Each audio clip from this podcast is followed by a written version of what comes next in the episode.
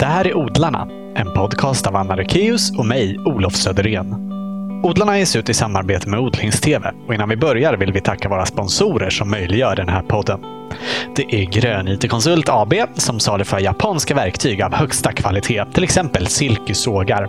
Och så är det Villab Garden som levererar uterum och växthus fraktfritt i hela Sverige. Stort tack! För 27 år sedan kom Simon Irwin till Sverige från England och strax därefter började han jobba med den lilla slottsträdgården på Läckö slott på Kållandsö i Vänern. Där har han sedan dess skött och utvecklat det som idag är en helt fantastisk kravcertifierad köksträdgård. Omgärdad av murar längs med stranden på ena sidan av den udde där det vita barockslottet tornar upp sig. Förutom trädgården på Läckö har Simon genom åren också jobbat med en rad andra trädgårdar, bland annat den på Gunnebo slott och med Rosträdgården på Vi trädgårdar i Ockelbo. Men vi träffade honom på Läckö slott den 5 september. Varsågoda, Simon Irwin. Vad gör trädgården med dig? Jag hittade några gamla papper från min eh, internatskola när jag var 11. Jag var ju extremt olycklig. Och eh, jag läste några terminrapporter. Mm. Och, och, och, då läste jag en där det stod att Simon har börjat vara ute mycket mer och har eh, en egen kolonilott som han verkar trivas med. Så det är, eh, det är väl det att eh, redan väldigt tidigt var trädgården för mig en sorts tillflyktsort. Och eh, alltså det var inget roligt att vara på engelsk internat på 60-talet, utan det var ju fruktansvärt jobbigt. Har du ett hårt eh, klimat omkring dig där? Ja, det var hemskt. Alltså det, det, delvis att, att man de använde rotting och, och så. Mm. Och, och det, det, är ju det gör ju fruktansvärt ont och är otroligt förnedrande. Så jag menar, att utsättas för det från åtta års åldern, det, det var inte skojigt. Nej. Och, och, jag reagerade genom att gå in i mig själv och, och då var de oroliga i skolan att jag aldrig gjorde någonting. De tyckte att jag var slö, ointresserad och uh, lazy, som det heter på engelska. Alltså. Så att um, man, nu när man är mycket äldre så, så inser eh, man att liksom det, det har varit förödande. Um, är man känd, minsta känslig så är, har det, uh, det påverkar hela livet efteråt mm. negativt. Men samtidigt så liksom det ljusa framstår ljusare mot det mörker som man har varit med om. Mm. Så det är lite både och. Men odlandet blev någon, någon slags tillflyktsort för dig? Ja, vi odlade salat framförallt. Alltså det var det vi gjorde. Vi hade ju en, en, en liten kolonilott och så hade en kompis och sådde vi. Mina föräldrar skickade fröer och så sådde vi. Uh, och sen, det, jag minns hur ledsen jag blev. Det var ett gäng som började gräva en grop för de egentligen var inte intresserade. Alltså salaten gick till, uh, till köket. Men um, de som grävde gropen täckte över det med gräs och korrigerat plåt så att ingen upptäckte det förrän det var en jättestor grop och då avslutades alltihopa. Mm. Så jag var extremt ledsen då. Och det, liksom, det var bara en sorts glädjelucka i, och sen att, eh, alltså, jag är uppvuxen med rätt så stora trädgårdar. Så det var ju, när man var liten på den tiden så skulle man vara ute. Alltså det var en, vad gör du här inne typ om man kom in? Så liksom ute, och då var man ute i trädgården. Mm. Så jag har alltid haft en stark känsla för trädgården. Och um, när jag blev färdig på universitetet och jag läste språk så kom jag fram till att nej, jag, jag vill odla i en trädgård. Jag vill jobba med trädgård helt enkelt. Ja. Hade, var... hade dina föräldrar trädgårdsintresse också? Ja, det hade de. Men min pappa var väldigt förtjust i trädgård och odlade grönsaker. Men eh, på 50-60-talet så han sopsorterade och gjorde alla de här saker som, som man gör idag. Men han hade, ju, hade grejer till komposthögen, han hade grejer, grejer till aluminiuminsamling. Han hade ju allt sorterat. Eh, Framsynt av honom. ja, alltså, jag tror att många gjorde det då. Mm. Uh, det var det kanske var senare som man slutade det, det var med det. senare att man slutade, att det blev så mycket slit och släng. Mm. Och för jag menar, när man var inne och handlade i speceriaffären så liksom, då var, alltså det var inte paketerat utan man köpte saker lös och, och, allt det där. Det var ju inte så att allting var paketerat i förväg. Nej. Var i England var du växte upp någonstans? Alltså jag är född i nordvästra England eh, i en stad som heter Northwich. Ja. Och det ligger inte långt från Chester, så att det är i Cheshire. Men alltså jag, när man blir eh, skickad hemifrån till internatskola så känns det inte som hemma längre, utan det blir ju en sorts semesterort. Ja. Så blev alla ivägskickade på internat? Nej, Nej. det är dyrt. Ja. Det är bara de som har råd med det. Alltså jag vill inte det. Eh, absolut inte. Men eh, jag såg inte att det fanns någonting jag skulle kunna sätta emot. Nu, nu, är du, nu fyller du åtta, nu ska du iväg. Okay. Ja, det måste vara himla tufft. Alltså, man, man är inte så gammal när man är åtta. Nej, alltså jag ska aldrig skicka mina barn. Nej. Aldrig någonsin. Min syrsmor är åtta, det är ju ingenting. Nej. Men sen så kom du på att du ville jobba med trädgård. Ja, alltså det har alltid haft en funktion i mitt liv att jag mår bra uh, av att vara i en trädgård. Alltså jag, jag ritar ju trädgårdar också, men egentligen det som jag gillar mest är ju trädgårdsarbetet. Ja, är det så? Ja. Jag, jag tycker att det här det, det är någonting som man inte tillåts göra i någon större utsträckning, förutom att man har en egen trädgård, eh, är att designa genom att arbeta. Genom att göra. Det som jag, jag säger på engelska, design by gardening. Att man, som man gör när man har egen trädgård, man provar sig fram. Eh, och väldigt ofta så kan de här trädgårdarna vara extremt personliga. På något sätt så är Läckö lite personligt för att jag tillämpar eh, ett skötselsätt som eh, man inte kan skriva in i någon skötselplan. Alltså det, det vill säga att lämna ogräs och mm. att ta de här personliga besluten om vad det är som ska stå kvar. Mm. Du visade oss här innan att ni lämnar en massa frösådda blommor och sånt som har ja. råkat hamna mellan grönsaker och så vidare. Ja, och man kan ju göra, göra fina mönster så kommer det något som man gillar. Så får det alltid stå kvar. Trots att det kanske bryter den där ja, ja, alltså, vågformade alltså, raden. Eller men det ska inte vara perfekt. Alltså det, det, det, är väl det. Och sen att gångerna, längs med gångerna så växer det alltid saker. Och det liksom i en skötselplan så brukar det stå att gångerna ska vara ogräsfria. Tråkigt, tycker jag. Så mm. Man får ju känsla av närvaro i en trädgård där det inte är perfekt. Och jag, jag tycker väldigt mycket modern trädgårdsdesign ger alldeles för lite utrymme för trädgårdsmästaren att, att tillföra någonting. Utan de ska skura stenar och blåsa bort grus och, och håller på med mm. ett sorts städjobb på någon annans idé. Och, att man bara blir förvaltare? Liksom. Ja. Mm. Och jag tycker, liksom om en trädgårdsmästare ska verkligen ha en funktion så måste hen alltid får ta beslut av det slaget. Annars blir det tråkigt. Mm. Jag tror det gäller alla jobb, att man måste få ha en, ett, en kreativ bit i det. Ja, ja, men det tror jag på. Definitivt. Och när vi började med Dacapo-utbildningen för många år sedan nu. Just det, det var med att grunda trädgårdsutbildningen ja, i Mariestad. Det var tanken att man skulle utbilda trädgårdsmästare som hade en kunskapsnivå som tillät att tillföra. Och, och det tyckte jag var en väldigt bra idé. Men du är utbildad vid Kew Gardens. Ja. Hur var det?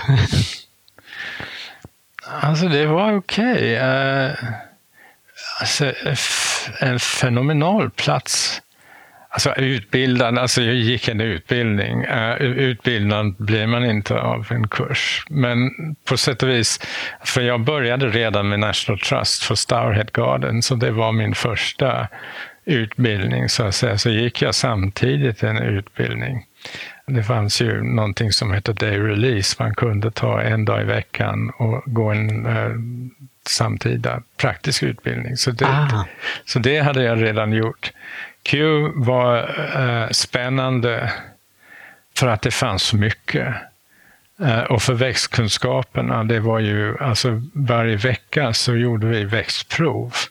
Och då skulle man liksom kunna identifiera, man tog alltid en viss del av trädgården, identifiera en hundratal växter. Och man förväntades eh, få över 90 procent rätt. Och den, den kunskapsbas har jag fortfarande. Mm. Jag är mindre road idag av att prata latin. Mm. Men eh, det är liksom ändå, det, det sitter ju där. Ja, tror du att du skulle klara, klara dina 90 procent fortfarande? Nej. Nej, det tror jag inte. Men eh, det, det, jag har ju en bra stomme av kunskap. Och sen att Q var ju... Alltså man jobbade i växthus, man jobbade i hela trädgården under utbildningen. Det var ju så att man två tredjedels av året så var man ute i trädgården och sen resten och fick man betalt dessutom, man får lön. Och då en tredjedel sitter man och läser kunskaper av olika slag. Det var väldigt mycket lär om kemikalier och så. Ja. Men samtidigt så tycker jag att det är bra att veta Väldigt ofta är det så att folk går runt och lär sig ekologisk odling utan att veta någonting om vad de gör eh, i konventionell odling. Och jag tycker det är synd. Jag tycker att det, det är en viktig del av ens kunskap att, att kunna resonera mot. Ja, verkligen. Ja, så man är inte, det räcker inte med att resonera för, utan man måste också vara kunnig om vad man resonerar mot. Så att säga. Mm. Har det alltid varit självklart för dig att odla ekologiskt? Nej. Alltså, jag, jag tänkte inte på det så mycket. Uh, men ett jobb som jag hade, alltså början på 80-talet, det var det ekologiskt. Och det blev så självklart när jag började med det. Så att jag, sen dess har jag liksom blivit helt övertygad om att en trädgårdsmästare, och, vi pratar trädgårdsmästare, vi pratar inte storodlingar. En trädgårdsmästare är en sorts naturförvaltare. Att eh, det är viktigt att se till att den jord man använder mår bra. Eh, växterna sköter sig själva. Men eh, det, det, man måste liksom bygga upp rätt balans i jorden. Och det kan jag inte göra om jag använder näring som är mineraliserad. Nej. Men någonstans, jag menar, när jag började på 80-talet så var det väldigt mycket en tro. Eller man anade, man fick känslan, man ville inte använda de här kemikalierna efter ett tag när man insåg att definitivt att de inte behövdes. Inte i odling på liten skala. Det är tveksamt om de behövs överhuvudtaget. Så att liksom att slippa de sakerna har visat sig genom året att man har ju haft rätt. Mm.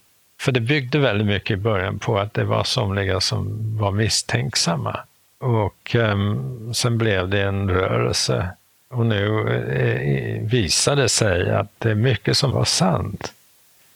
Och de här professorerna i Uppsala sen eh, Just det, det är tre, fyra forskare som en gång per år ungefär skriver en debattartikel där de kritiserar ekologisk odling för att inte vara tillräckligt effektiv. Ja, Ja, men det, det, alltså, det, grejen är att det är inte hela lösningen. Alltså, ingenting kan vara den enda hela lösningen. Nej. Det är viktigt att man inte tror sig veta allt. Ja. Men liksom, det, det, man måste ju ändå titta lite klokare på hur vi använder miljön. Och deras sätt är ju inte bra. Nej. Om konventionell odling utarmar jorden så är det destruktivt och inte effektivt. Men när det gäller småskalig ekologisk odling, det visar sig att man eh, kan göra eller få mycket mer från marken genom att göra så, alltså odla ekologiskt på liten skala. Och eh, vi har ju genom åren byggt upp fertiliteten i jorden. Det är också ett sätt att göra en, en kolsänka, alltså den, det som, den kompost vi har i jorden. Det, det ligger där som humus och så. Mm. Sen, eh, vi får ju bra skördar. eh, Och även om ekologisk odling inte är 100% bra, det är ett steg i rätt riktning i alla fall. Mm. Vad var den här trädgården där du kom i kontakt med ekologisk odling först? Det heter Sydenham House och det är i Devon. Eh, Jag, det har bytt ägare sedan dess, men när jag var där så det var en äldre Air Commodore, jag vet inte vad det heter på svenska, men han var i eh, flyget under andra världskriget. Hade varit, Mm. Jag kan inte de här militära titlarna. Inte jag heller, men han, han hade varit stridspilot och allt det där under andra världskriget. Och under tiden då han eh, var liksom i tjänst så hade de odlat grönsaker mellan de husen de använde, de här längorna vid flygplatserna som de bodde i. Och, och då grävde de upp jorden där och odlade. Och han hade redan då börjat odla ekologiskt. Så han var väldigt mån om att ha trädgården skött på det sättet. Och jag tänkte, ja, men det låter bra. Eh, För det, det visste jag inte så mycket om. Och då, då gjorde vi det. Och det var, ju, det var ju svårt i början, för att man tänker fortfarande på liksom eh, en skopa det och en skopa det så blir det eh, det andra. Men det, så, det funkar inte så. Nej. Och det blev intressant att upptäcka det. Du sa att ni lärde er om kemikalier och sånt på Q, men använder ni sånt där också? Eh, ja, det gjorde vi. Fast i, allting byggde på kompost ändå. Mm. Det, de hade enorma komposthögar där de samlade allt skräp från hela trädgården. Och det är ju typ 150 hektar.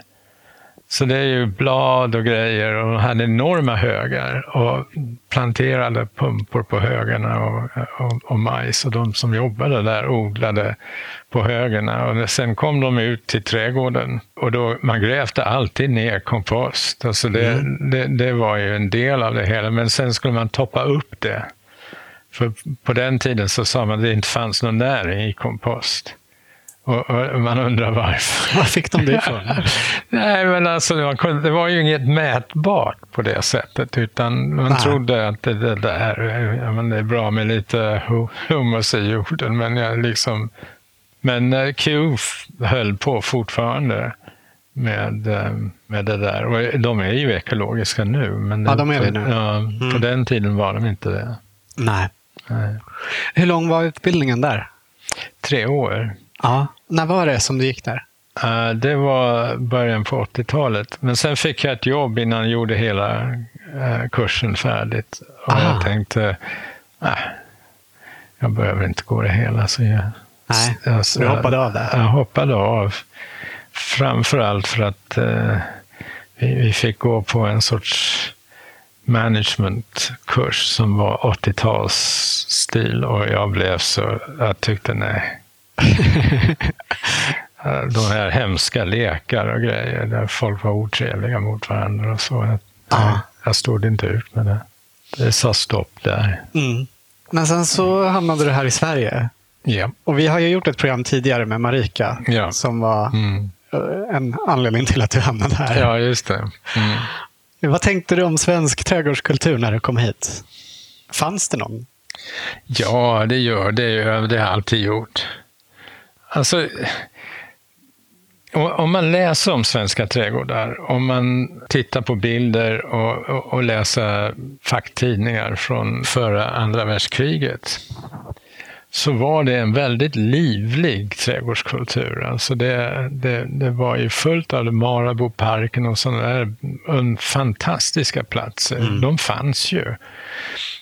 Och sen händer det någonting efter andra världskriget.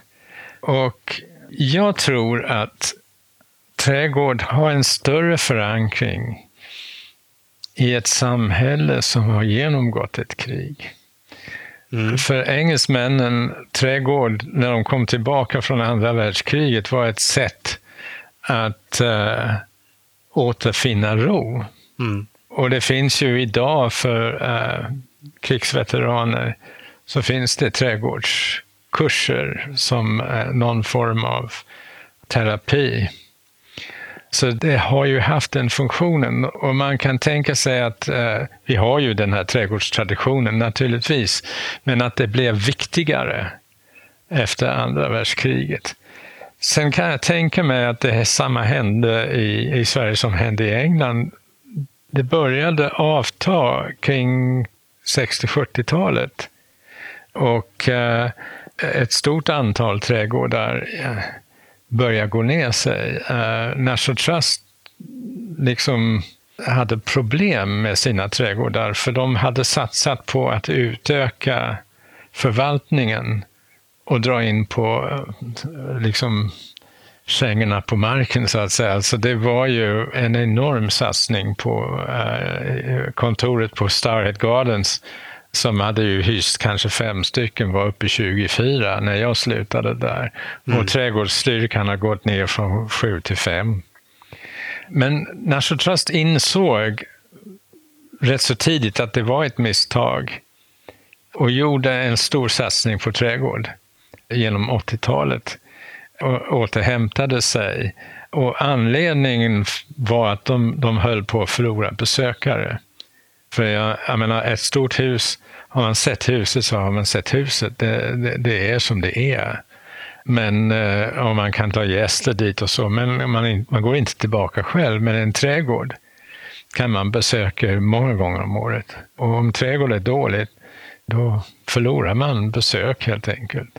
Och de insåg det rätt så fort vad, det, vad som hade hänt.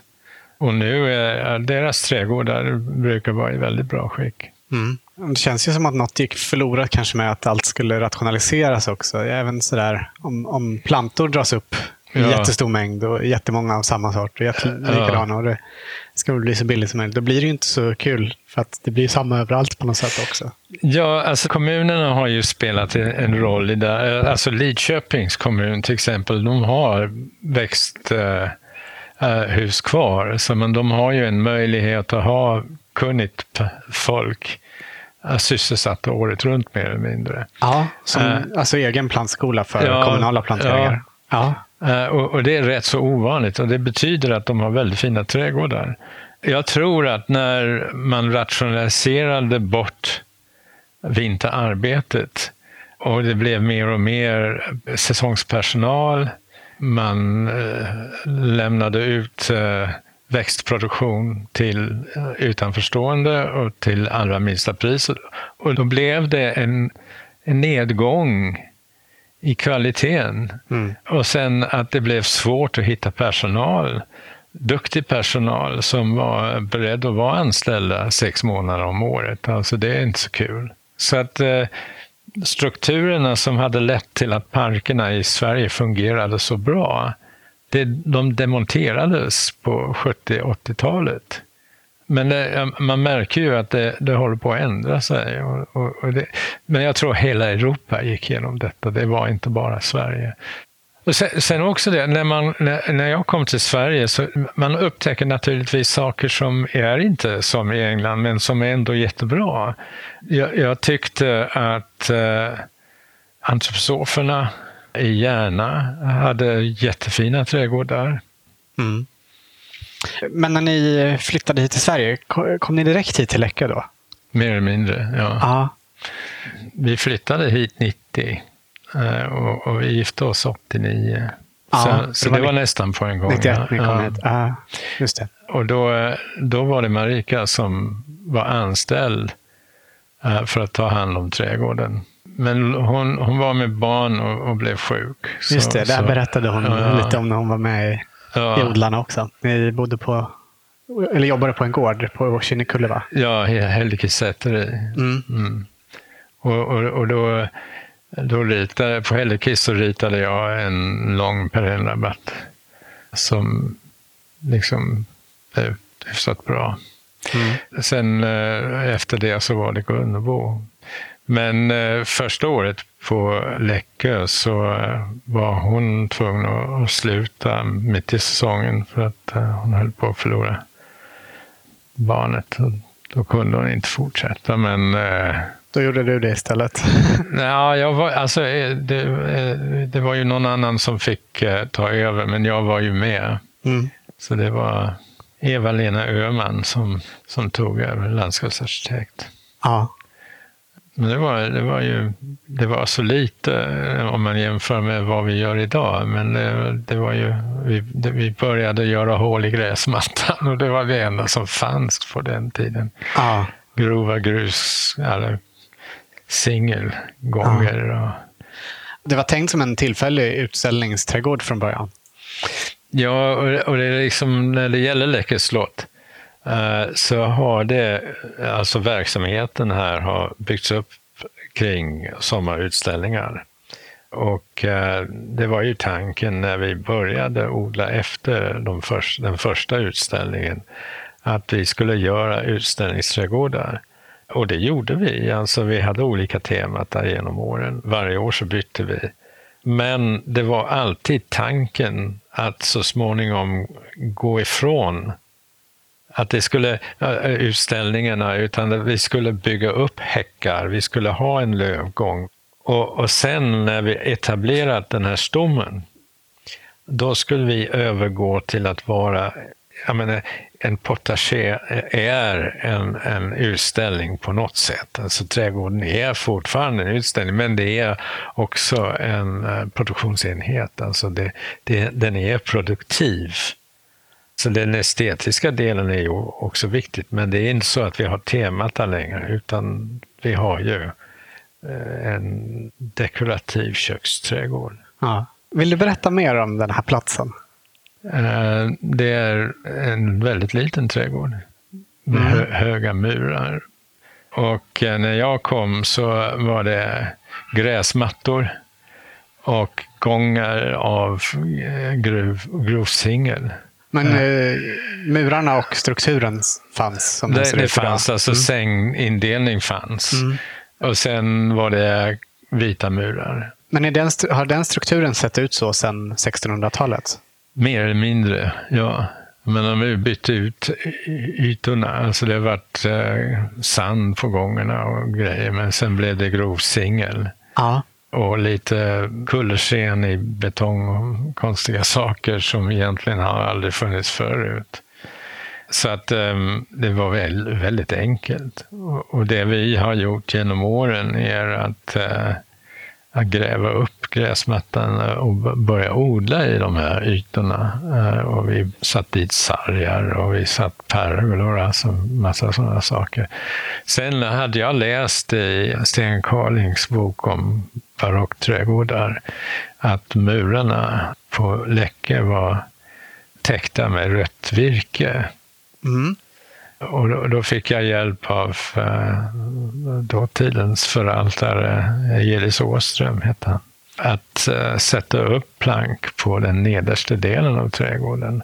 Och omedelbart så blev det en enorm förändring i känslan där nere. Det blev ju helt annorlunda och, och uh, man fick inte det skarpa ljuset från betong ytorna utan man fick den här underbara mörkröda bakgrunden som står sig så otroligt fint. Ja, jättefint mot allt det gröna. Mot det gröna. Mm. Och, och, och, det, alltså det, är en av de, det är en av de stora inspirationsdelar. Alltså folk säger när de kommer till trädgården att de finner inspiration. Men jag tror att en av sakerna är att man, man är omgiven av ljusfarlig rött. Och då får man tankar om husväggar och grejer. Så när vi spaljerar träd på de här eh, planken så blir folk, ja, ja, det kan jag göra hemma. Ja, man ser så att det där skulle ja. kunna passa på mitt hus. Ja, ja. Och, och, och sen är, vi, vi har ju på planket odlat allt möjligt. Som, I år så var det lite Eh, pumpor som växer långsamt för att det varit så kallt. Men vi har täckt hela alltet med pumpor. Vi har ju haft uh, solrosor, alltså höga solrosor, som tog sig hela vägen upp och, och blommade i en lång rad. Oj, men det är många meter höga. Ja, ja, ja det, det, Vet du hur högt det är? Ja, det är jag tror att det är tre och en halv, fyra meter. Ja, rejäla solrosor. Ja, visst. De blev fantastiskt fina. Men då fick jag väldigt många kommentarer. Det kan man göra mot ladugårdsväggen. Vad roligt. Mm. Ja, men det är alltid det, det som vi försöker göra på Läckö är att göra saker som folk kan göra utan att det kostar. Så äh, när, när vi stödjer våra växter så tar vi hasselris. I början så var det björkris. Och det är ett material man kan ta var, var som helst, bara man pratar med den som äger marken. Alltså varje år så går man och städar under elledningar. Och då ligger det färdiga högar och färsk eh, ris. Så det är bara att gå ut och prata med den som äger marken och, och samla in materialet. Det aldrig, kostar aldrig någonting. Så väldigt mycket av det vi gör är saker som folk kan göra. Och eh, liksom kostar inget. Men det är inte någon eh, historisk rekonstruktion av trädgården? Nej, in, inte direkt. Alltså, vi vet en hel del om, om vad det fanns i trädgården, för det har ju varit inventeringar förut och då, då, då står det om staketet och om eh, de olika sängarna och vad de innehöll. Problemet är att vi har ingen plan, så vi, det, liksom, det är ett stort frågetecken. Det kan ha funnits eh, staket på framkanten av, av terrasserna. Det, det, är möjligt, men vi har ingen bild på det och ingenting som bekräftar det. Så det, det är omöjligt att, att, rekonstruera trädgården från den information vi har. Sen under ehm, um, 20-30-talet när det gjordes stora utgrävningar kring slottet, då eh, grävdes upp det mesta av det som hade gått att använda för att uh, kolla hur trädgården såg ut. Det var ingen som tänkte på det då. Nej, det dokumenterades inte då. Nej. Alltså, men det, finns ju bilder på var groparna var, men det är väldigt lite information. Och de var mest intresserade av byggmaterial och stenar och, och liksom rester av det slaget. Uh, hur trädgården såg ut var ingen som tänkte på då. Nej. Men vi är väldigt måna om att inte göra samma sak. Så även om det är mycket som är förstört, ifall det skulle finnas någonting som kan visa på hur det såg ut, så gräver vi inte djupt. Vi, liksom, vi gör ingenting som förstör det som ligger under. Så det... Nej. Och det ni odlar idag, de grödorna, det går till restaurangen här. Ja. Vad har du levererat till dem idag? Det, de väntar på en hel del som vi inte hunnit. Men okay. äh, för, de har ju fått bönor. Äh, de har fått skärbönor och blomsterbönor. De väntar på persilja, vildselleri och några kryddor till. Så att det, det ska, kommer jag att skörda sen. Ja. Men du har, du har själv ett stort matintresse, har jag förstått. Ja, ja visst. Vi läste att din mamma var kock också. Nej, hon, men hon, ja, hon, jo, hon var utbildad på eh, kockskola i, i, i England, i London. Men jobbade hon som, som kock också? Nej, det var, det var för att hon uh, skulle ta hand om hushållet. Ah. Hon hade utbildning för det? Ja, för att vara hemma, hemmafru? Ja. Ah. det var andra tider. Men hon, hon var jättematintresserad. Ja. Mm. Men ditt eget matintresse då? Ja, jag älskar, jag älskar mat. Ja. Och, och, jag är väldigt intresserad av hur grönsakerna smakar. Alltså det, det är väl det som vi... Vi provodlar väldigt mycket.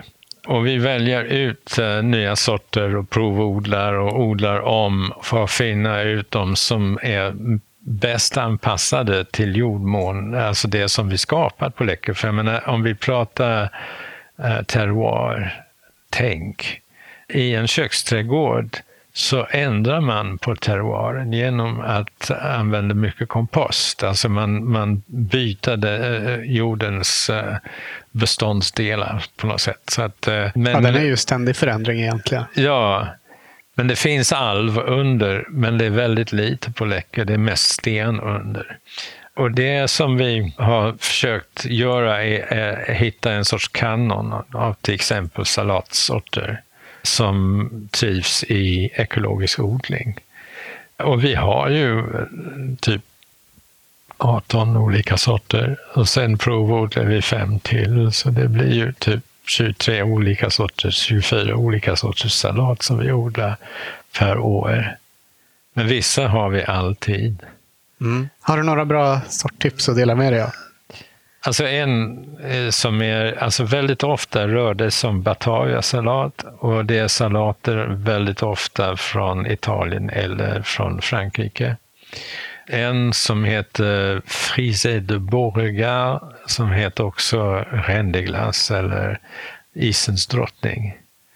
Det är en klassiker och den är fantastisk. Alltså den har allt som eh, salat ska ha. Utsid alltså de blad, yttersta bladen är mörkgröna och beska och så går den inuti, den är väldigt öppen så det är väldigt grönt igenom.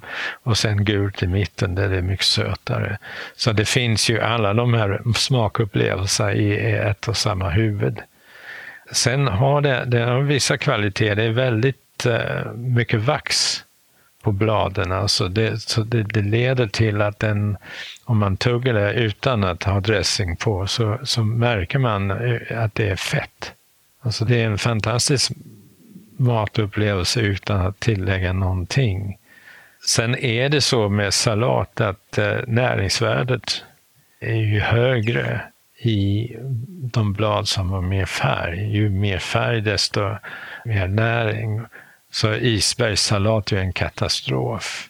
Mm. Det är bara tuggkänsla och en smak av avloppsvatten. Så jag menar, det är verkligen ingenting att, att, ha. Men de här gamla sorterna, de är väl anpassade till den sortens odling som vi bedriver.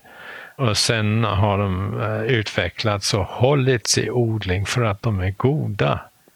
Jag menar, vi har ju vi har en rödbeta som heter Bullsblood och det odlas friskt för bladen. Men det, eh, det, jag förstår mig inte på det, för bladen är inte särskilt goda. De har bara mycket färg. Och I början så odlade jag bara för att bladen var så vackra. Men nu när vi odlar dem så får vi fantastiska rödbetor, riktigt stora och genomgående goda. Medan folk säger okej, okay, de, de, har fina blad men de smakar ingenting. Men de har odlats sedan 1840. Och det är inte för att de inte var ätbara. Det, liksom, det säger sig själv på något sätt. Mm. Så att vara intresserad av grönsaker, det är, det är klart man är intresserad av mat. Ja. Har du någon favoritgröda? Alltså, i all mat så blir man trött på allting. Så nej. Nej, det varierar efter det, säsong kanske. Ja, det beror på hur mycket jag ätit. mm. Vi hörde i en intervju, ett radioprogram med dig, att du eh, skördar palsternackorna på våren. Ja, då är de som sötast. Ja, det känns inte som så många gör det. Nej, alltså det, det är dyrt och svårt. Jag menar, grejen är att man vill få upp dem innan det blir tjäle i marken. Och vanligtvis när man får dem först så då, då, är de inte söta utan de är bara liksom aromatiska på något sätt. Men eh, de blir lite sötare genom kall förvaring under vintern. Men när de utsätts för en riktig vinter, då blir sockerhalten väldigt mycket högre. Och eh, vi har ju använt dem för att göra öl här. Så jag menar, det, det, de blir väldigt söta. Men du lämnar dem kvar i jorden bara? Täcker du dem på något sätt? Nej. Eller? Nej, de bara får stå kvar som de är? De får stå kvar. De drar sig neråt. De har ju en tapprot som gör att de liksom pålrot som, som dra ihop sig så att de går De ner i marken. ner. Ja. Mm.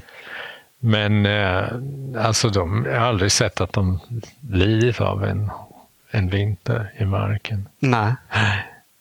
Det är spännande, det måste man ju prova. Ja, Du bor, eh, du bor alldeles här i närheten. ja. Har du någon privat trädgård också? nej, aldrig haft. Nej. Nej, Har aldrig velat ha det heller? nej. ja, mitt behov av trädgård är ju tillfredsställt av att, eh, att vara på Läckö. Mm. Du berättade innan att en ganska stor del av jobbet är en social bit också. Prata med alla som, som kommer och tittar i trädgården och så. Ja, alltså det blir ju det. Eh, ibland, ibland blir man lite trött, men för det mesta så tycker jag att det är väldigt roligt. Och eh, vi, vi jobbar eh, väldigt hårt i trädgården. Vi gör allting för hand. Och den period som är innan vi öppnar kan vara skitjobbig. Man undrar om man kommer bli färdig och alla blir stressade och ungefär tre veckor innan vi öppnar så brukar det vara kris av något slag. Sen när första besökare kommer in i trädgården och, och säger åh vad fint. Yes, det är liksom där satt det. På något sätt, det, det, trädgård är en, en sorts performance. Alltså det, man, man vill veta, det är som man står på en sorts scen för det är offentligt och man jobbar där. Och då vill man veta vad folk hör eller ser eller liksom vad de tycker. Och ibland så är det negativt, men det är naturligtvis inte alltid så, bra som man vill ha det. Det finns, folk som, Det kan inte finnas så mycket negativt att säga om den här trädgården. ja inte nu, men liksom det tar tid att, att mogna. Till exempel, nu så även om det blir fel i rabatterna, det syns inte så mycket för nu har vi en jättepergola som är nästan heltäckt och är en upplevelse i sig. Häckarna är välklippta och stora. Så jag menar, det finns en stomme där. Så att eh, när det är en säng när det inte riktigt får den tillväxt man vill ha, det är kallt eller, och gurkorna vägrar växa, då är det inte så viktigt. Men, men alltså, på något sätt, en trädgård är en mötesplats och det är en dialog med, med, med besökarna. Och att ha det som en riktig dialog, att berätta om vad man gör och hur man gör, har visat sig vara väldigt eh, roligt för alla. I, ibland så kommer det folk som vill se etiketter. Ja, ni, ni har inga skyltar som talar om vad det är för växter och så? Nej. Eh, Och förr i tiden så hade vi också planer där man kunde läsa, men nu när vi gör stora, när vi gör stora salatsängen, vi planterar om varje rad tre gånger per säsong. Det blir ju, det blir ju dumt, det, det går inte. Så det är mycket enklare om, om folk som vill veta ställa frågor. För vi är ju där, det är inga problem och vi svarar alltid på frågor. Och vågar man inte fråga så kan det inte vara så viktigt. Nej. Så det är liksom... Jag, och sen, jag värnar väldigt mycket om rätten att inte få veta. Alltså jag vill gärna rätt så ofta titta på saker utan att styras upp av någon annan, utan att gå en guidning, utan bara i lugn och ro ta emot det intryck som trädgården försöker förmedla. Och man behöver inte få det förklarat för sig. Man, i, I till exempel eh, en utställning av, av, av, av måleri, man kan gå en guidning, men det går lika bra att gå runt och titta. Och det är samma med trädgård. Man behöver inte etiketter överallt. För det förstör upplevelsen, direktheten av upplevelsen. Uh, man märker ju på, i, i botaniska trädgårdar Alltså, folk kommer in i ett trädgårdsrum med ögonen neråt. På skyltarna? Ja, Mm. de ska läsa. Men det är en hel himmel. Det är ett rum. Alltså det är en upplevelse som man kanske inte tänker på om man tänker att jag måste få veta vad det där heter. För den information finns naturligtvis, men då måste man liksom söka upp det och inte förledas att tro att man behöver veta det. För väldigt ofta är det så att folk vet redan vad det är. Men de blir osäkra för att de inte har de här etiketterna. Man hör väldigt ofta, eh, särskilt i, i, inom familjer, där de pratar för varandra om vad de upplever. Och det är alltid någon i familjen som tror sig veta vad det är. Och så kan man lägga sig i den diskussionen, för det kan, det kan bli hur fel som helst. Mm. Törs man gifta sig till att eh, i en familj oftast är pappan som tror sig veta vad det är för någonting? I trädgårdsvärlden inte alltid pappa. Okej. Okay. men, men jag har varit med om att vi har ju valnötsträd. Mm. Och det, det, är inte så många som vet vad det är. Och då kommer pappa först. Ja, titta, här har vi lime. Alltså, okay. så, ja, så, så, då brukar jag ingripa. Nej, nej, det, det, det är valnöt. Det är valnöt! Som om typ det var ännu konstigare än lime. Så det är liksom, det, men det är härligt. Det är underbart att liksom ha den öppenheten. Grejen är att som trädgårdsmästare man måste älska människor. Alltså annars skulle det vara för jobbigt helt enkelt. Ja. Eh, så att det här att jag, jag, tycker om den dialog som pågår i trädgården, det är som en, en öppen diskussion. Och det är aldrig någon som tar illa vid sig när man upp, tar upp en diskussion av det slaget. Nej. Och väldigt ofta så kommer någon fram och säger, vad är det där? Och så säger man, det är kardon. Jag sa ju det till sin kompis, jag sa ju det. Så liksom det är alltid att de ska ha bekräft, alltså, har det bekräftat att de, att de haft rätt. Mm. Så eh, jag ska säga ur pedagogisk synpunkt så det är extremt bra. För liksom när man läser en etikett så har man glömt om eh, en halvtimme vad det var. Om man inte skriver upp det. Så att eh, när man har de här diskussionerna, man glömmer dem inte på, på samma sätt. Utan liksom, Nej, ja, det är sant faktiskt. Ja. Det är ofta jag går och läser på sådana skyltar och tänker att det här ska jag komma ihåg. Och så det glömmer jag bort det. aldrig. Nej.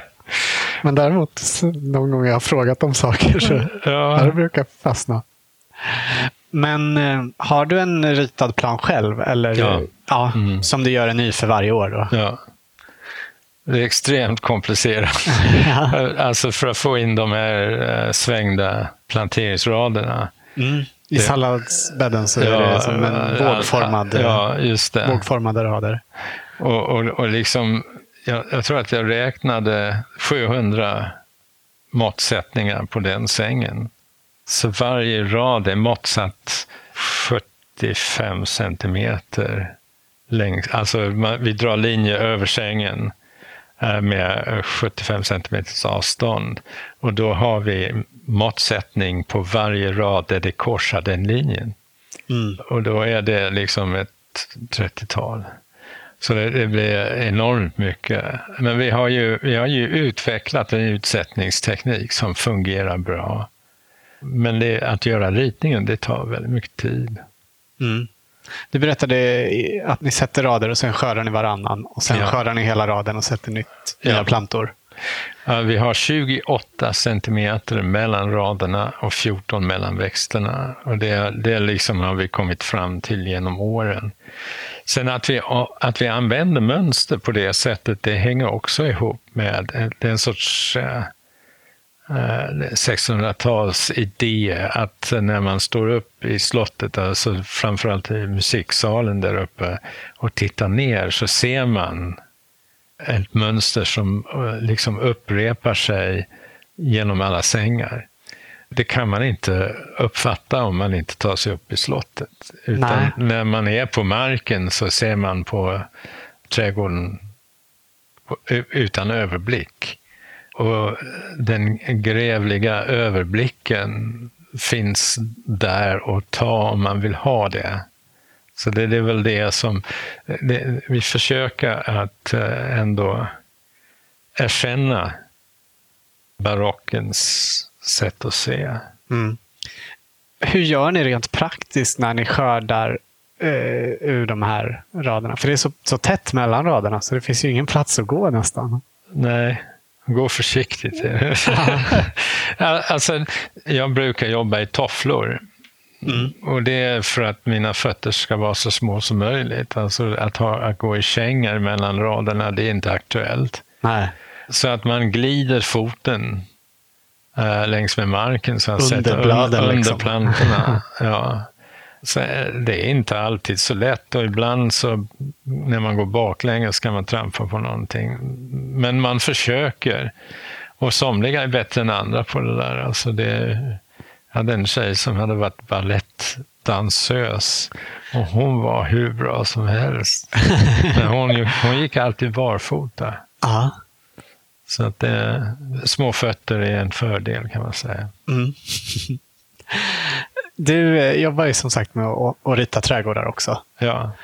Ha, går det att ge några generella tips om hur man ska tänka för att få en trivsam trädgård? Eller är det helt och hållet anpassat efter platsen?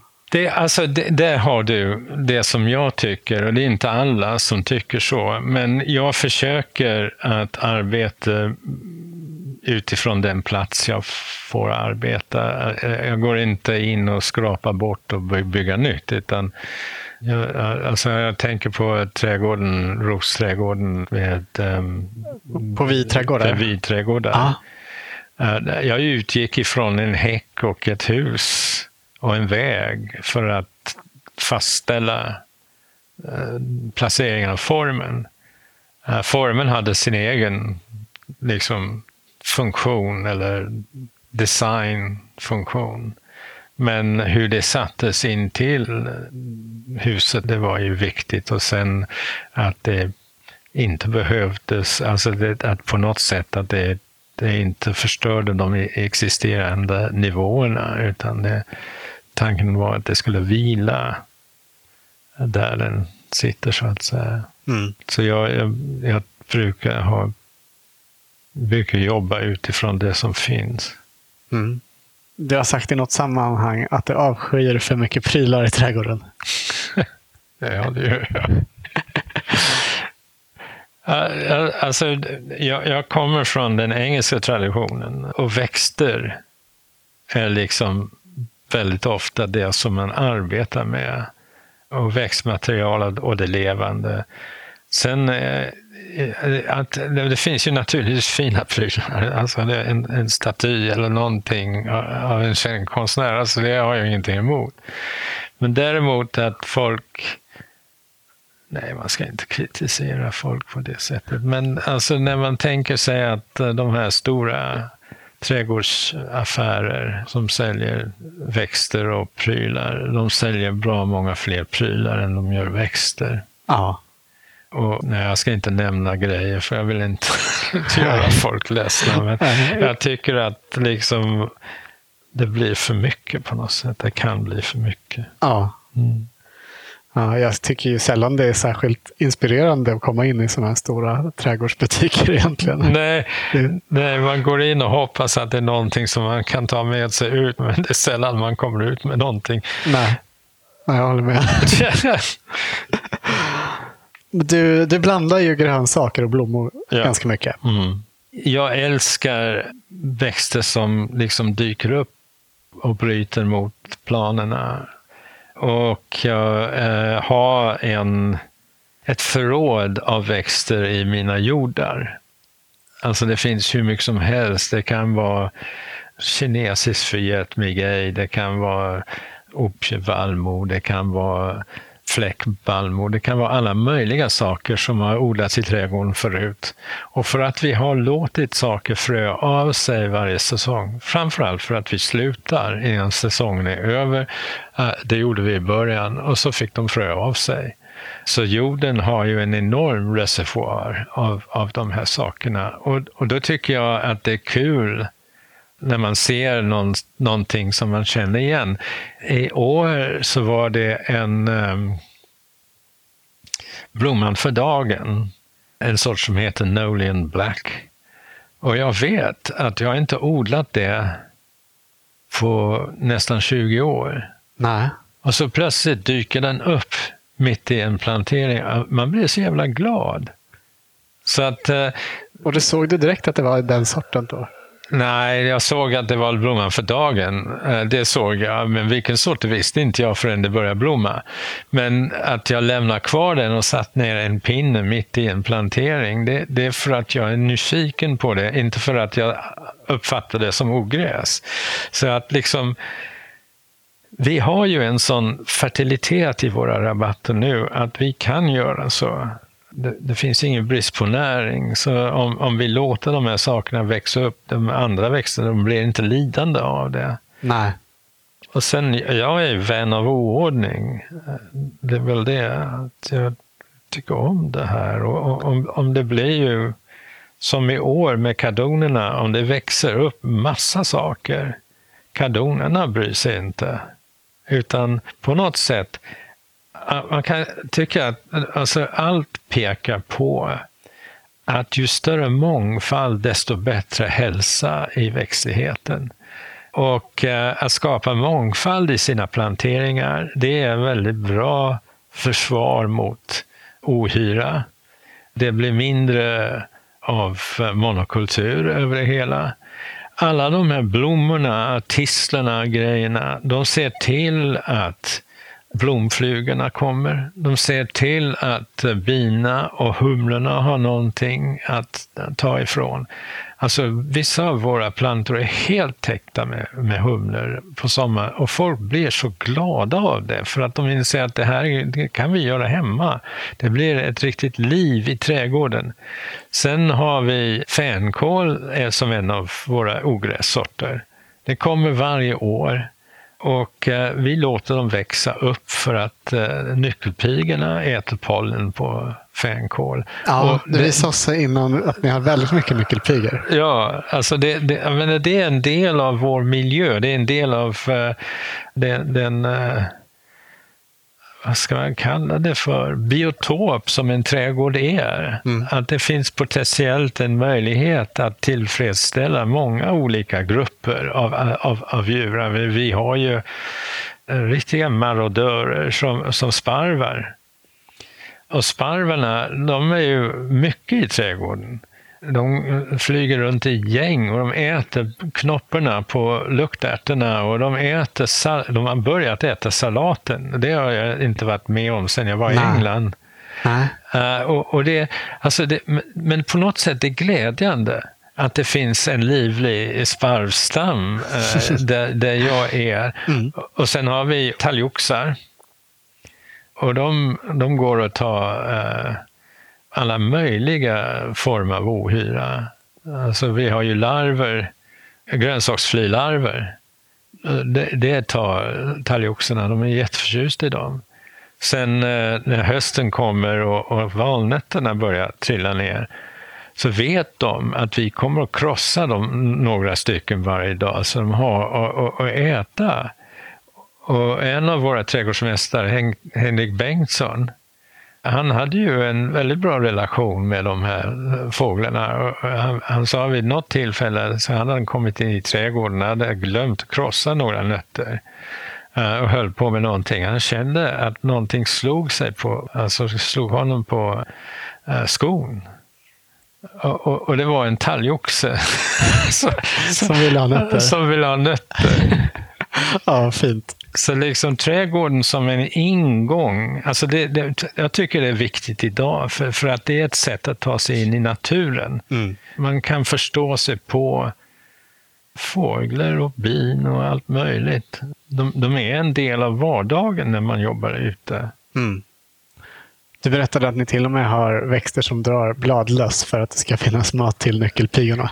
Ja, vi, vi har ju malört. Och, det, det, var någonting jag kom på för många år sedan, att, att de täcktes all, varje år med svarta löss. Och I början så oh nej, de ser för jävliga ut. Sen såg jag att nyckelpigorna hade någonting att äta tidigt. Och då blev det något helt annat. Alltså det är klart att man ska ha bladlöss åt nyckelpigorna. För liksom, blir det aldrig några bladlöss så blir det aldrig några nyckelpigor. Så enkelt är det. Sen eh, folk kan kommentera det, eh, särskilt på kardoner. Alltså de blir helt svarta. Men man vet ju att inom tio dagar så är de borta. Så att eh, man gör allt man kan för att se till att man har en bra stam av nyckelpigor. Och häckarna, alltså de här boxfångshäckarna, det är perfekt övervintrande för dem. De kryper mm. in där. Så om man har eh, problem med bladlöss i sin trädgård så ska man se till att eh, nyckelpigorna trivs? Ja, mm. alltså mm. så fort man börjar ingripa, då, då blir det fel. Menar, ett klassiskt exempel är ju kardoner och kronärtskockor. Om man använder såpa på dem så torkar bladen ut och de blir helt bruna. Alltså, vem vill göra det? Så menar, det som man inte förstår om såpa är att det är, kan vara rätt så skadligt. Alltså det, det löser upp eh, vaxlagret som skyddar växten från uttorkning. Och det skyddar växten mot ohyra också. Så liksom, även om man blir av med lössen så skadar man bladen och så kommer de tillbaka. Mm. Så det är liksom lose-lose alltså. Mm. Avråder du från att använda sånt överhuvudtaget? Ja. ja. Um, du berättade här för oss innan också att ni inte använder någon eh, djurgödsel i trädgården. Nej. Eh, och det, det, det gjorde vi i början. Men det var ju, vi letade efter gammal högar av äh, hästgödsel.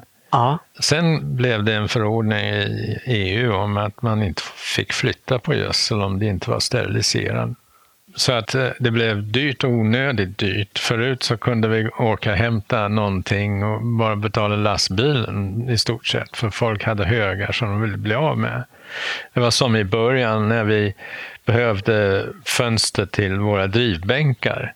Det gick att hämta på gamla eh, plantskolor och sånt som höll på att lägga av. Så, och de fönstren, när vi tog hand om dem, var kanske 30 år gamla då. De är, har vi fortfarande. Mm.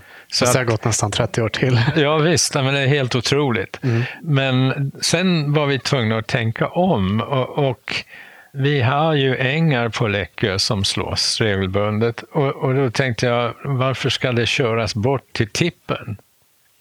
Så vi började ta vara på det. Gjorde man det innan? Slog det och körde bort det till ja, tippen? Ja.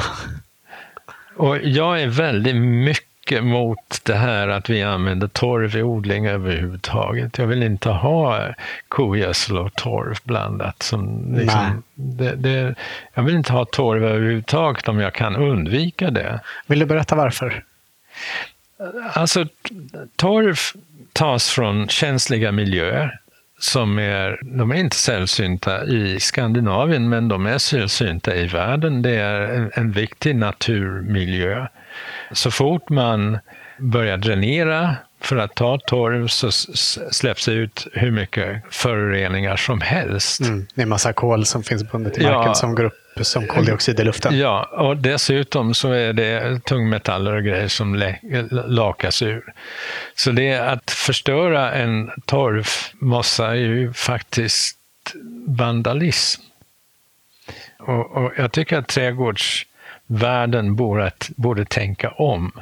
Jag, jag, brukar tycka att jord som innehåller, alltså köpjord som innehåller för mycket torv inte är så himla bra att odla i heller. Jag tycker den blir lätt eh, svampig och väldigt, väldigt blöt. Eller så torkar den ut och blir ja, jätte, men, jättetorr istället. Men torv är ju, det är ju som en svamp. Alltså, den, den kan torka ut helt. Eller så kan det ta emot väldigt mycket vatten jord har, har ju en helt annan struktur. Det, det vill säga liksom, är det lerjord så kan den hålla fukten extremt länge. Och då ser man på växten när det börjar flagga för att det är här, hallå, det är lite för lite vatten mm. här. Mm. Då har man tid på sig att reagera och, och rädda situationen. När man använder torvmull, om det har torkat ut och det hänger, det kan vara för sent. Så att torv är ju det är ett billigt substrat, men det är inte nödvändigtvis ett särskilt bra substrat. Jag tycker att det skulle vara bra om man slapp använda torvmull i trädgårdsodling. Mm. Men det är en from förhoppning. Jag tror inte att det kommer att ske direkt. Nej. Jag tycker att det här med stadsodling till exempel, att det bygger på pallkragar och torvmull. det, det är inget bra. Att för man förlorar idén om vad, vad, vad jord är och vad det är att odla. Utan det är som att ta en kruka och så fyller man med lite planteringsjord och så, så får man någonting. Men finns det jord så är det väl alltid bättre att använda det som finns än att ta dit ja, någonting nytt. Alltså, det är en fantastisk bild eh, från London under andra världskriget. Det är nära Westminster och en bomb har slagit ner i vägen, eller en stor parkeringsplats, och gjort en jättehål. Under parkeringsplatsen, under eh, asfalten, så fanns det jord. Och det är en bild på en snubbe som står där med sin köksodling i det hålet. Mm. Och för mig så är det, det är en sorts underbar idé om att liksom under Göteborg eller under Stockholm så finns det jord. Och det gäller att hitta dit, inte att täcka över eh, liksom, det som redan täcker över jorden med Nej, bara ett lager till.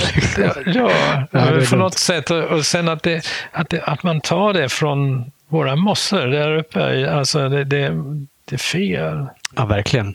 Och torv finns ju inte heller på alla ställen så mycket som här i Skandinavien, det var du inne på. Jag tror, jag tror inte heller att det är godkänt för ekologisk odling på alla andra ställen. Nej, alltså man har ju man har utarmat torv.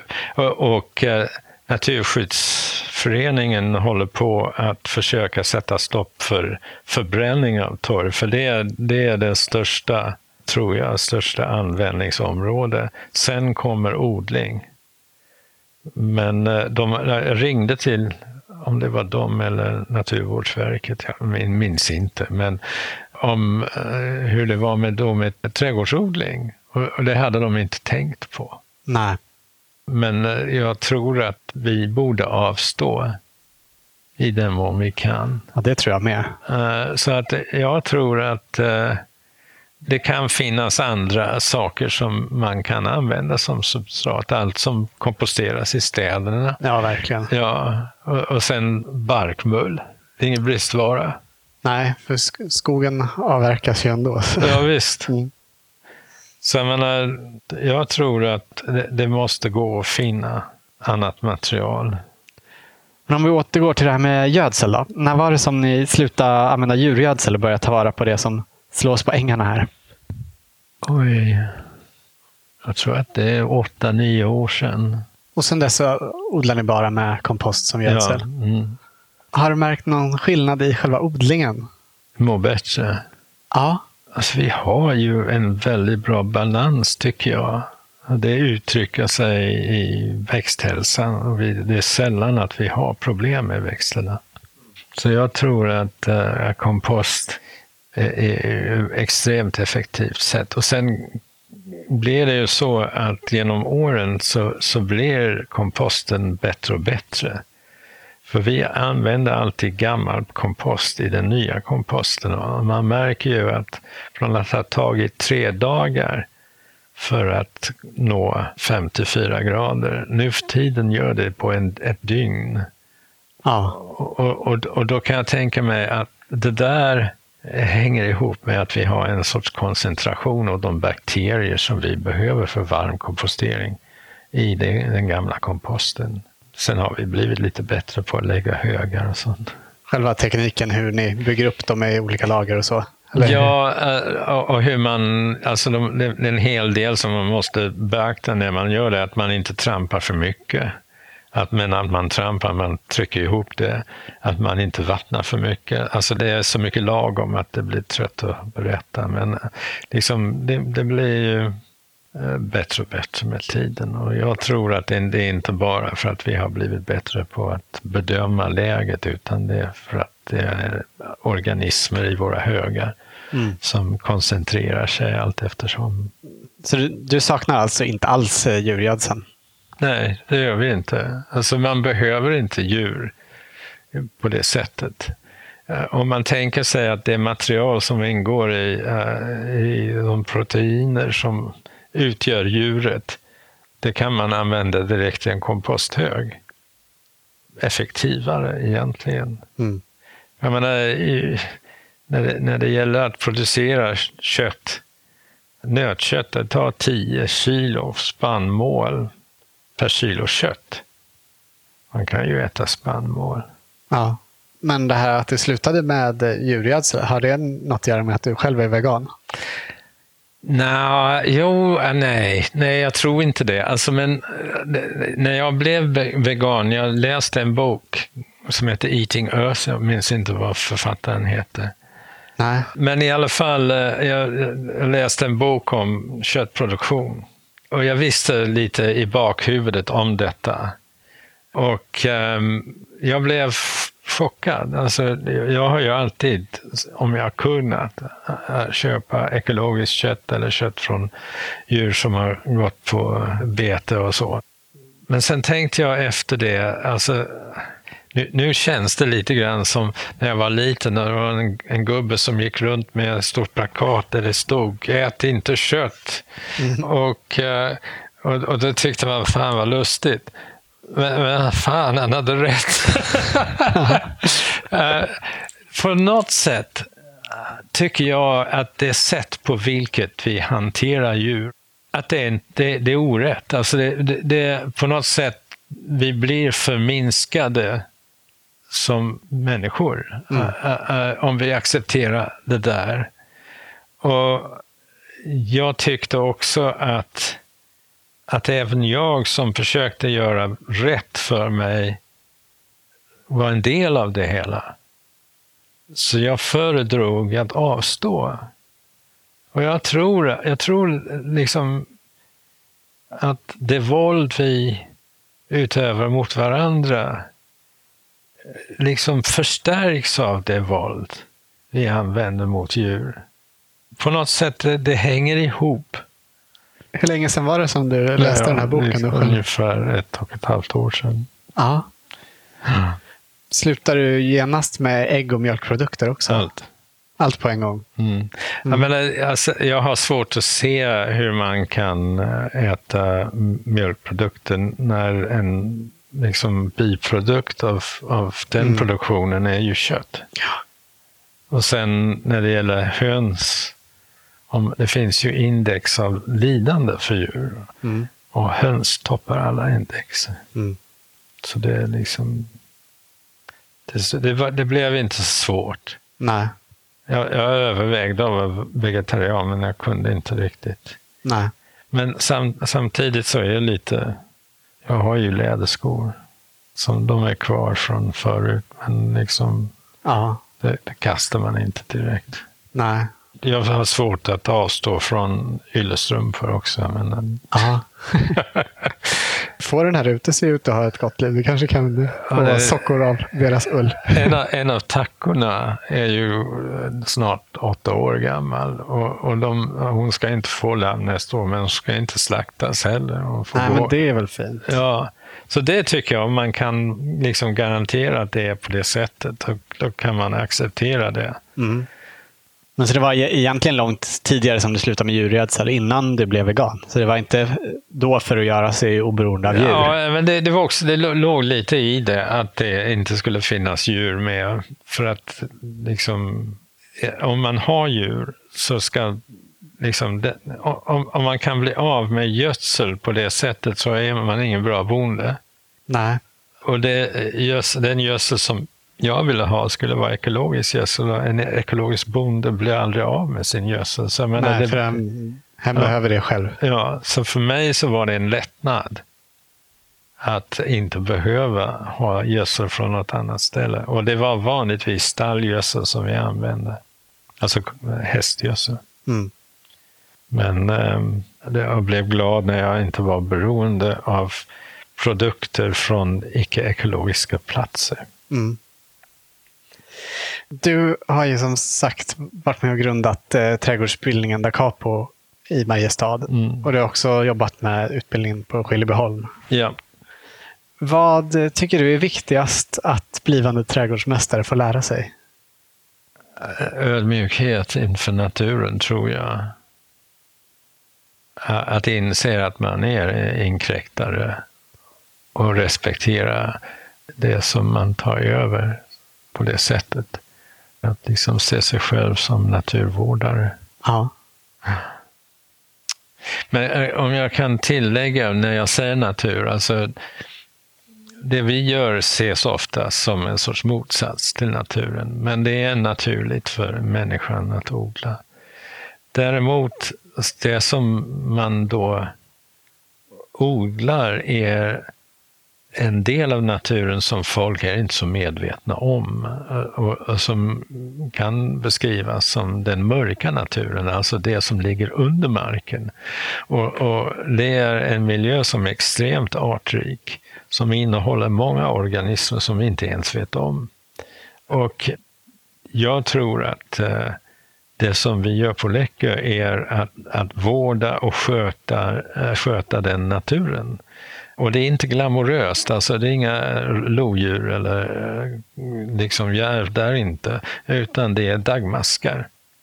Och, och eh, månar man om den miljön och den naturen så blir det en, en bra gärning att, eh, att vara trädgårdsmästare. Mm. Det här med historiska trädgårdar. Mm. Du har ju varit här i 27 år, sa du va? Ja. Och du var också med eh, när ni skapade trädgården på Gunnebo. Ja. Har historiska trädgårdar alltid varit eh, det som ligger dig varmast om hjärtat? Nej, inte nödvändigtvis. Ehm, men alltså jag har för det mesta gjort trädgårdar i historiska miljöer.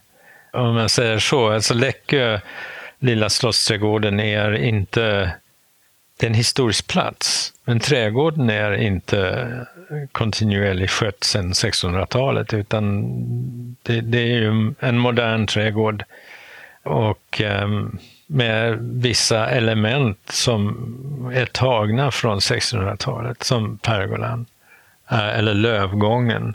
Och att skapa en lövgång idag är ju en rätt så häftig upplevelse. Så att alltid vara tvungen att hänvisa till det förgångna. Det tycker jag om. För liksom det är som med litteraturen på något sätt. Alltså man läser en bok från, från 1200-talet och så plötsligt så inser man, fan, jag förstår. Så är det. Och det, det är att det blir resonans genom att göra så. Sen det enda som, alltså man, man kan ju försöka återskapa trädgård, men det kan man inte göra. Alltså, det enda man kan vara helt säker på är att det aldrig såg ut så där. Mm. Det, det, är det enda. Och det är samma på Gunnebo. Det är mycket på Gunnebo som är historiskt, men det är mycket som är fri fantasi.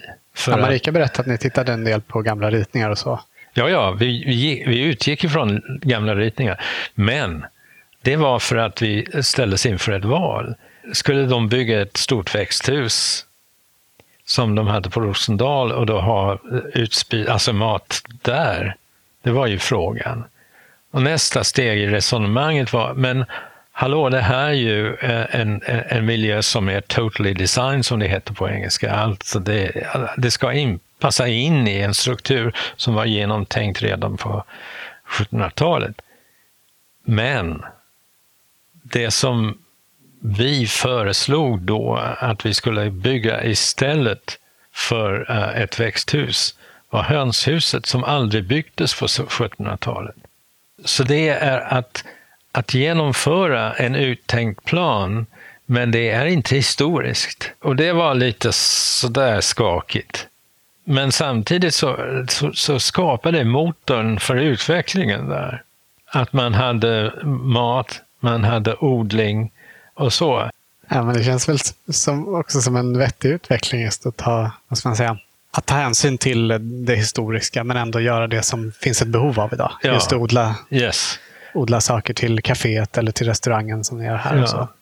För jag menar, det är, ibland så får ju frågan på Läckö, såg det ut så här? Svaret är alltid nej, det gjorde det inte. Mm. Men det är så mycket på Läckö som man inte kan alltid förklara. Om man går över bron där så är det en, en vallgrav. Ja. Och man kan höra pappa förklara för barnen ibland att uh, det där var fullt med vatten. Ja.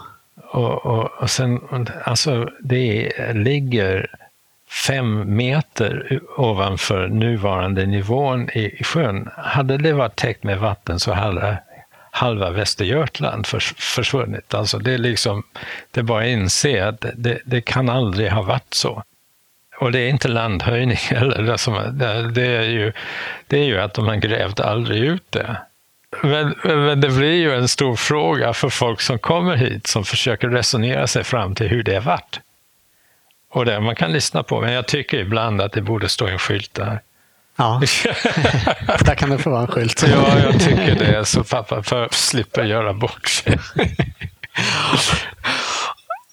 Man kan väl eh, säga att trädgården här på Läckö är lite av ditt livsverk? Ja, alltså det är... Jag har ju varit här hur länge som helst. Mm. Vi råkade se nu när vi gjorde research inför det här att du är ju i den ålder då många går i pension. Ja. Tänker du göra det? Inte om jag inte behöver. Nej. Alltså, jag har tittat ibland i det röda kuvertet innan jag gjorde sådär att jag öppnar aldrig mer. Och jag tycker nej, jag vill inte leva så. Och sen att det, alltså en trädgård är ju extremt givande arbete. Så att jag, så länge jag får vara kvar så vill jag gärna göra det. Så jag har liksom blivit lite ett med trädgården på något sätt. Folk folk när de kommer vill gärna prata med mig och ställa frågor. Och det är den här trädgården du kommer bli kvar i? Du har ja. inte planer på att börja med någonting nej, nytt? Nej, nej, jag vill inte flytta till något annat ställe. Nej. Är det någonting mer som du tycker att vi borde prata om? Vi har inte pratat så mycket om um, hur det fungerar, uh, helheten med restaurangen. Nej, det, det har vi faktiskt inte. Berätta för mig så är det en extremt viktig del av arbetet är att om man ska odla växter som är ätbara, man kan inte kassera dem. Det, det vore ju helt fel. Ja. Och det, det är också en fråga som många ställer när de kommer in i trädgården. Vad gör ni av det här? Och det är lite så där, man känner att de misstänker att vi gör konstiga saker. De är bara där för att tittas på. Så ibland känner man sig, ja, men vi kör ut det, nej, vi väntar på isen, sen kör vi ut det på, på sjön. Nej, men eh, skämt åsido, det, det, liksom, det är ju viktigt att ta vara på grönsaker. Det är, liksom, det är mat, det är det vi lever på. Och eh, nu har vi riktigt duktiga restauratörer här i Naturum. Vita hjorten heter restaurangen och den har fått mycket uppmärksamhet. Mm. Och det är på grund av det samarbete vi har. Och folk de kan ju komma hit och de kan smaka på grejer. Så kommer de upp till trädgården så kan de titta på dem. Man kan prata om dem med trädgårdsmästare, fråga hur man odlar, var man får tag i fröna. Alla de här sakerna. Så det, det skapar Alltså det finns ju den här grejen som att liksom, det, när man sätter maten i munnen, att man blir medveten om liksom vår fullständiga beroende av det som odlas. Mm. Och gör man det här och ser en odling som trivs så får man liksom, man kopplar ihop odlandet och ätandet. Och, och det är samma som på Gunnebo. Folk sitter i trädgården där det odlas till köket. Och på Läckö så eh, odlar vi enorma mängder. Alltså det är liksom det är sprängfyllt med grönsaker i augusti, september, till och med jul. Och då måste man förklara, alltså det är också pedagogiskt. När folk säger att det eh, kan omöjligt använda allt det här. Jo då, säger man. Liksom, och sen förklarar man, liksom, okej, okay, vi kan göra tusen mat om dagen ibland. Och det är klart det går åt. Och då får de ett perspektiv och sen blir folk så glada att berätta att de ätit det där. Jag tycker att det är, det är väldigt viktigt att liksom understryka. För när man gör en potager eller en, en eh, köksträdgård som är också har ett stort eh, estetiskt inslag det höjer på något sätt grönsaken, det förhärligar grönsaken. Och det tillsammans med att man äter grönsaker, eller kan äta grönsaken, där det också dess värde har ökats. Eh, även estet, det är estetiskt, alltså god mat är också en, en, en estetisk upplevelse. Mm. Så att, att få allt det här på en och samma plats. Väldigt ofta är det så där, där folk odlar grönsaker, de har inte tid att tänka på hur det ser ut. Liksom, så folk går inte dit. De uppmuntras inte heller att gå dit, för liksom, de, de är i vägen. För det är ju det är odlandet som är, är, är grejen. Men på Läckö är det både och. Det finns en historisk bakgrund. Vi vet att det odlats grönsaker i trädgården förut. Vi vet att man har odlat kardoner där på 1600-talet, finns inventarier. Alltså, mm. allt, vi vet det där. Och då, då kan vi liksom införliva det i den moderna världen eh, med kanske samma sorts upplevelse av att äta egna grönsaker som greven hade på sin tid. Så att det, jag tror att eh, en trädgård på en sån ställe som Läckö har ett enormt värde. Eh, det är inte så att folk kommer hit enbart för trädgården, men trädgården är ju en väldigt viktig del i återbesöksantalet. Alltså. Vi får ju folk som kommer till trädgården flera gånger om året. Som vi känner igen och pratar med och, och, och känner igen oss och, och, vet om oss. Alltså det är liksom det är kul att, att finna sig i ett sammanhang av det slaget. Ja, det måste vara jätteroligt. Ja, det är det. ja. Vi brukar avsluta våra intervjuer med att våra medverkande får ge sitt bästa odlingstips. Vilket är ditt? Ta det lugnt. Mm. Särskilt med att ingripa mot uh, ohyra. Ja. Finns det inga angrepp som du tycker är svåra eller jobbiga? Ibland är i så fall så är det grönsaksfly. Eh, de är igång nu, men det är så kallt att de inte gör några större skador, så man behöver inte göra något åt det. Men de är svåra att hitta, de går på allt i stort sett. Men eh, alltså, det, är mangold och, och rödbetor och tomater och eh, sånt där. Men uh, i år så har det varit en sån kall sommar så att de inte varit några större problem. Nej. Nej, så ta det lugnt. Ta det lugnt, ja. Bra. Du, tack så jättemycket för att du tog dig tid och för att vi fick komma och träffa dig. Tack för att ni kom. Det var kul att råka.